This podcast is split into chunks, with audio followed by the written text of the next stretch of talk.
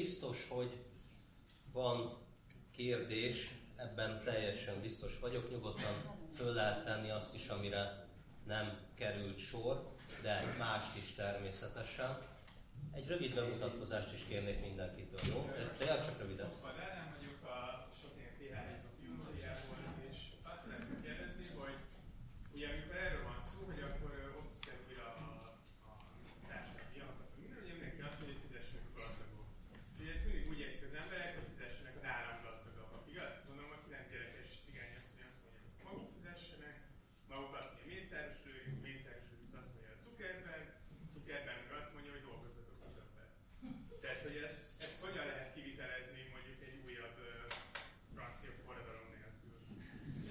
vagy azzal együtt, vagy annak révén adjuk meg ezt az opciót is. Valamelyik tud erre okosat? Sose azok fizették az adót, akiknek kedvük volt. Tehát az adó az úgy néz ki, hogy van egy határa, fölött kell fizetni, meg a progresszív adó az úgy néz ki, hogy minél többet van, annál többet fizetsz, és akkor nyilván egy ilyen versenyfutás folyik, hogy hogy lehet innen kivonni a pénzeket. Van önkéntes része is, a Bill Gates elindított egy Giving Pledge című mozgalmat, ahol azt ajánlja a hozzá hasonló gazdagoknak, hogy a vagyonuknak a felét ajándékozzák el valamilyen jótékony célra, és a 200 leggazdagabb emberből 100 már ezt csatlakozott. Hogy most ebből melyik kamu, meg melyik, amikor megvásároljuk a jó írünket, megnéztem ezt a Warren Buffett, ő is elosztotta 81%-át a vagyonának, és 5 év múlva 8-szor akkora vagyona volt, mint az elosztás előtt. Most vagy nagyon ügyes, vagy nem tudom. Tehát nyilván van benne ilyesmi, de hogy mondjam, tehát ez nem, tehát lehet ezt nem forradalmi módon is csinálni. Az a rossz hírem van, hogy nekem 10 perc meg kell mennem Szandrának meg még előbb elnézést. Én vonattal jöttem föl, és ez az utolsó vonatom kezdteire, úgyhogy nem tudom, hogy Neked hány perced van? Jó, hát akkor, Majd akkor ez, ez a 10 perc limitál minket. Egyébként hát Gergő nélkül is folytathatjuk, tehát én nem azt akarom mondani, hogy bár nem lesz annyira jó természetesen, de azért nem lesz feltétlenül rossz sem. A, nem tudom, tessék. Jó, én Szenteti Mária vagyok, hazánk egyébként, a, a, egy kis közösségben élek Szernák, és egyébként közben, Kaposvár egyébként közel, és egyébként én is uh, hát gazdasági dolgokkal uh, foglalkozom. Úgyhogy a kérdésem is egy kicsit ilyen számszerűsítés jellegű lenne, és én egy kicsit abban indulnék ki, hogy ugye jelenleg van 7 milliárd ember a Földön. Ugye az egyik vitatkozó mondta is, hogy meg el is hangzott, hogy jó lenne, hogyha ez csökkenne, de a csökkenésnek is kicsit az az ára, hogy ezeket az embereket föltoljuk egy valamilyen olyan jóléti szintre, ahol már nem tíz gyereket vállalnak, hanem kettő. Nekem igazából az a kérdésem, hogyha elfogadjuk azt, hogy humanitárius, meg egyéb szempontból is célszerű lenne ezt a 7 milliárd ember így feltolni, hát legalább erre a 65 ezer forint per óra mondjuk, akkor ez, ha mondjuk a, az ökolábnyomot vesszük az egyszerűség kedvéért, tehát az már ki van számolva, hogy nem tudom, egy valamennyi ökolábnyommal fenntartható nagyjából a, a föld még egy darabig. Tehát, hogyha ezt átkonvertáljuk forintra, akkor kijön a matek. Tehát értek mi a kérdésem? Tehát, tehát a 7 milliárd, tehát tudunk-e biztosítani növekedés nélkül globálisan 7 milliárd embernek, mit tudom én, havi 65 ezer forintot. Nagyon egyszerűen. Hogy? Ezért kék a közgazdászok hasonló, ugye mindig. Tehát az a megérzésem, hogy igen. Szerintem, ha több embernek osztjuk el ugyanazt a pénzt, akkor sokkal kisebb lesz a ökolábnyom, mert hogy alapszükségletekre megy el. Tehát azért nem lehet azon nagy ökolábnyomot csinálni, de ezt még nem számolta ki tudomásom szerint senki. Mi számolgatjuk, de ezek ilyen elég spekulatív számítások.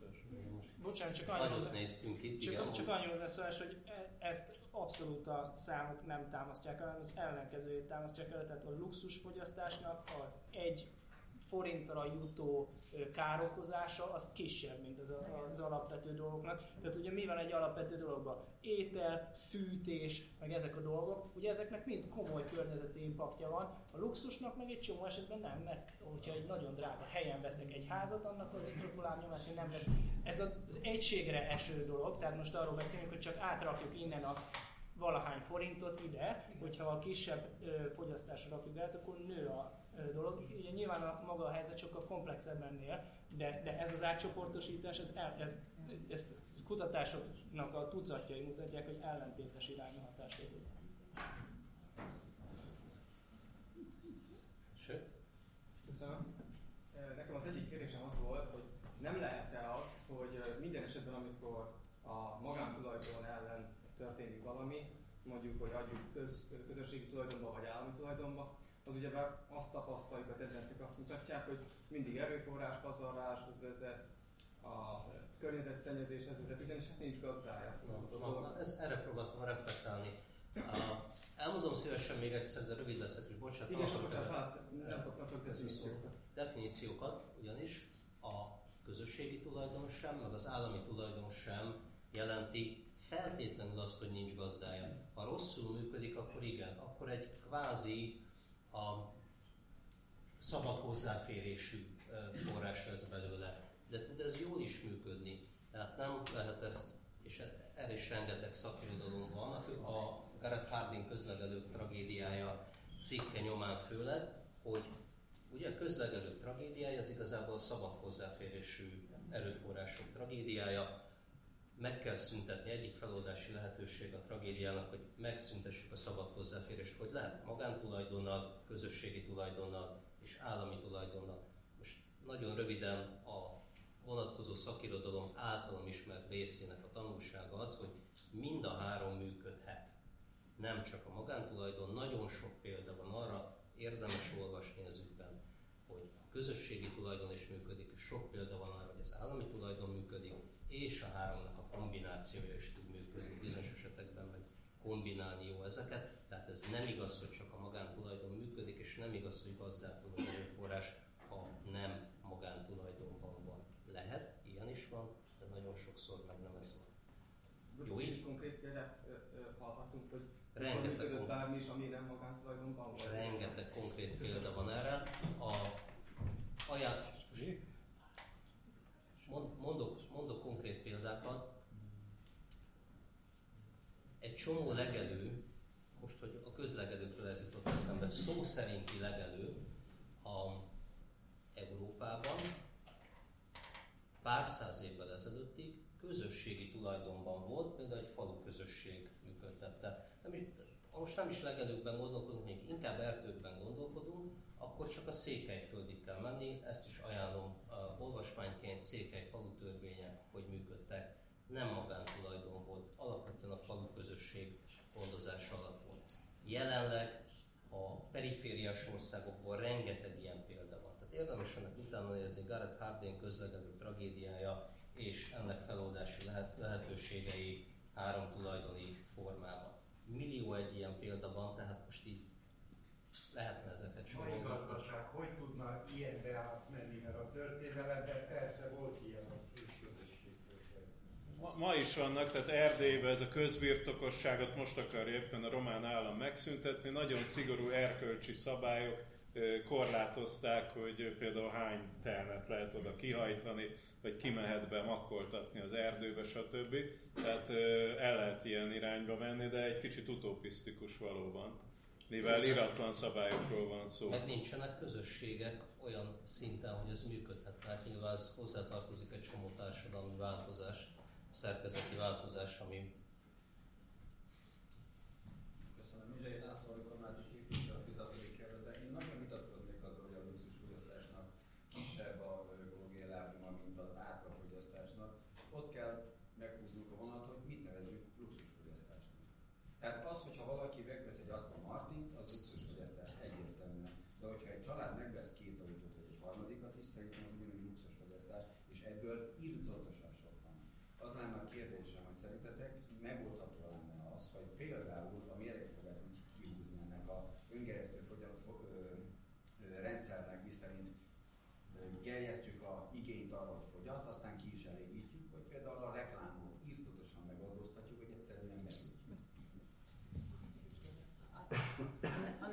növekedés mozgalomnak az egyik követelése a reklámok betiltása. Bocsánat, erre egy annyi reflexió, hogy itt most még egyszer nem az abszolút értékekről van szó, tehát nem azt mondom, hogy az Aston Martinnak kisebb a környezeti lábnyoma, mint az Opel Astra-nak, hanem azt mondom, hogy az Aston Martinnak az ára annyival magasabb, hogy az egy forint Aston Martinra költött pénz, az kisebb környezeti lábnyomot okoz, mint az egy forint az, ö, Opel Astra-ra költött pénz. És most lehet, tehát ez, ez egy, ugye egy viszonylag mérhető dolog, és ezt a viszonylag mérhető dolgot viszonylag sokan megpróbálták a tudásuk legjobbát beleadva lemérni, és ez viszonylag egyértelmű eredményeket adott. Tehát már csak azért is, így ez jó zenésszel viszonylag szerintem könnyen belátható, hogy ugye a, mondjuk ha tömegre nézzük, akkor a kettő között nincs olyan drámai különbség, hogyha árra nézzük, akkor drámai különbség van, az egyik sokkal drágább, és ezért ugye az egy forintra eső tömeg az sokkal kisebb, és ehhez ö, kapcsolódóan a környezeti is sokkal kisebb.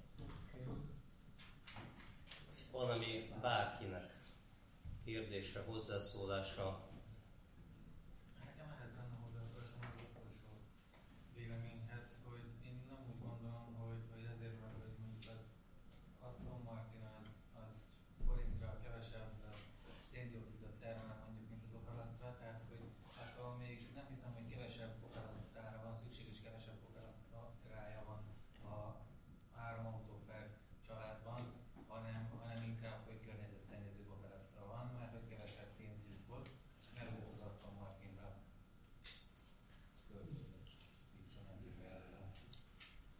Ez most egy abszolút tudománytalan érv, de és elnézést, hogy ilyen személyes példát hozok. Nekem öt gyerekem van, tudom mennyi a fizetésem, ha nem lenne egy gyerekem se, vagy lenne egy, akkor valószínűleg sokkal több lenne a fizetésem, mert gyorsabban haladt volna a karrierem, és valószínű sokkal messzebbre járnék utazni, és sokkal több luxusfogyasztásom lenne. Tehát, de a másik végéről is megfogalmazható, hogyha nagyon gazdagoktól, akik most ugye irányítják az ipart, azoktól elvennénk valamennyit, vagy nekik kevesebb lenne, akkor az ipar kevesebb Opel Astrát és kevesebb Aston Martin tudna termelni, és egyszerűen nem lenne összességében annyi. Egyébként meg nagyon sok, tehát a luxusfogyasztás, és szerintem Magyarország így átlagban benne van, az ugye nagyon sok távolról szállított terméket jelent, és azt jelenti, hogy nagyon sok termék állandóan rendelkezésre áll. Van egy német PHD hallgatónk, ő a német ö, ilyen pék üzemeknek a környezeti dolgait kalibrálja, és mondja, hogy milyen előre mutató, hogy régen kidobták a kenyeret, most meg azzal, most azt elfűtik. És ugye ez olyan durva, hogy, hogy, hogy kenyérrel fűtenek, de tulajdonképpen jobb, mint ha kidobna. És mondom, miért keletkezik annyi kenyér? Azért, mert a, a szupermarketbe este 10-kor, zárás előtt 5 perc, és ott kell legyen mind a 150 féle kenyér.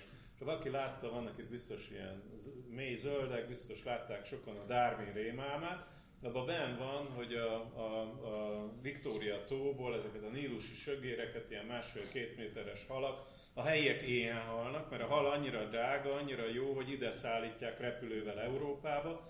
Miért megoldható ez, és mi a franc szükségünk van nekünk nílusi sügére egész évben, hogy ott legyen a Tesco polcán, amik úgyis kidobják a felé. Tehát szerintem, ha visszavennénk egy kicsit, akkor ezek eltűnnének, tehát megmondom őszintén, hogy nem ismerem ezeket a cikkeket, és majd kérem küldjétek el, mert kíváncsi vagyok, de szerintem rendszer szinten ez az a dolog, amit nem lehet megjósolni, hanem ki kéne próbálni. De nincsen semmi ellentmondás, tehát amiket most mondasz, hogyha másképp működne a gazdaság, akkor lehetne kisebb a fogyasztás, és hogy igaziból azt a sok luxusfogyasztást le lehetne csapni a tetejéről. Ez legkevésbé sem mond ellent annak, amit én mondtam. Az egy ceteris paribus érvelés, amit én mondtam, hogyha semmi nem változna, csak azt a pénzt áttennénk ide és arra költenénk el, akkor nagyobb lenne a széndiokszid kibocsátás. De ebből nem következik az, hogy nekem az a világnézetem, hogy az Aston Martinos gyerekek azok meg a királyok, a többiek meg nem. Péter, Péter szeretne valamit mondani, hallgassuk. Csak egy gondolat, hogy ugye a, mint a, most megint visszakanyarodtunk ez a túlnépesedés túlfogyasztáshoz, ugye, hogyha még visszaemlékszünk erre a petős pohárra, ugye akkor abból adódik a kérdés, hogy ki van sokan. Tehát, hogy ugye az a, az a felső 20% aminek a fogyasztása a maradék 4 5 is meghaladja. Tehát, hogyha ha, tehát, hogy innen északról nézve ők sokan vannak, mert mármint ugye a, a szegényebb országok, mert hogy, mert hogy szám, számbelileg sokan vannak, de a mi fogyasztásunk az sokkal többet áll. Tehát, hogy akkor onnan nézve meg mi vagyunk sokan. Oké. Okay. Azt hiszem, hogy úgy döntöttünk, hogy Gergő nélkül nem akarjuk folytatni, legalábbis nem látom a jelentkezőket, úgyhogy uh, még mielőtt berekesztenénk, még mielőtt berekesztenénk, a, szeretném felhívni mindenkinek a figyelmét először is a következő alkalomra, ami oda föl van írva. Ugye két hetente egészen május végéig tart a program, úgyhogy még a következő után is lesz. Jó, és hát természetesen nagyon szépen köszönöm mindenkinek, elsősorban a négy főszereplőnknek, de mindenki másnak is, aki eljött, itt volt, figyelt, kérdezett, tartsátok meg ezt a jó szokásotokat, és jöjjetek máskor is. Köszönöm a figyelmet!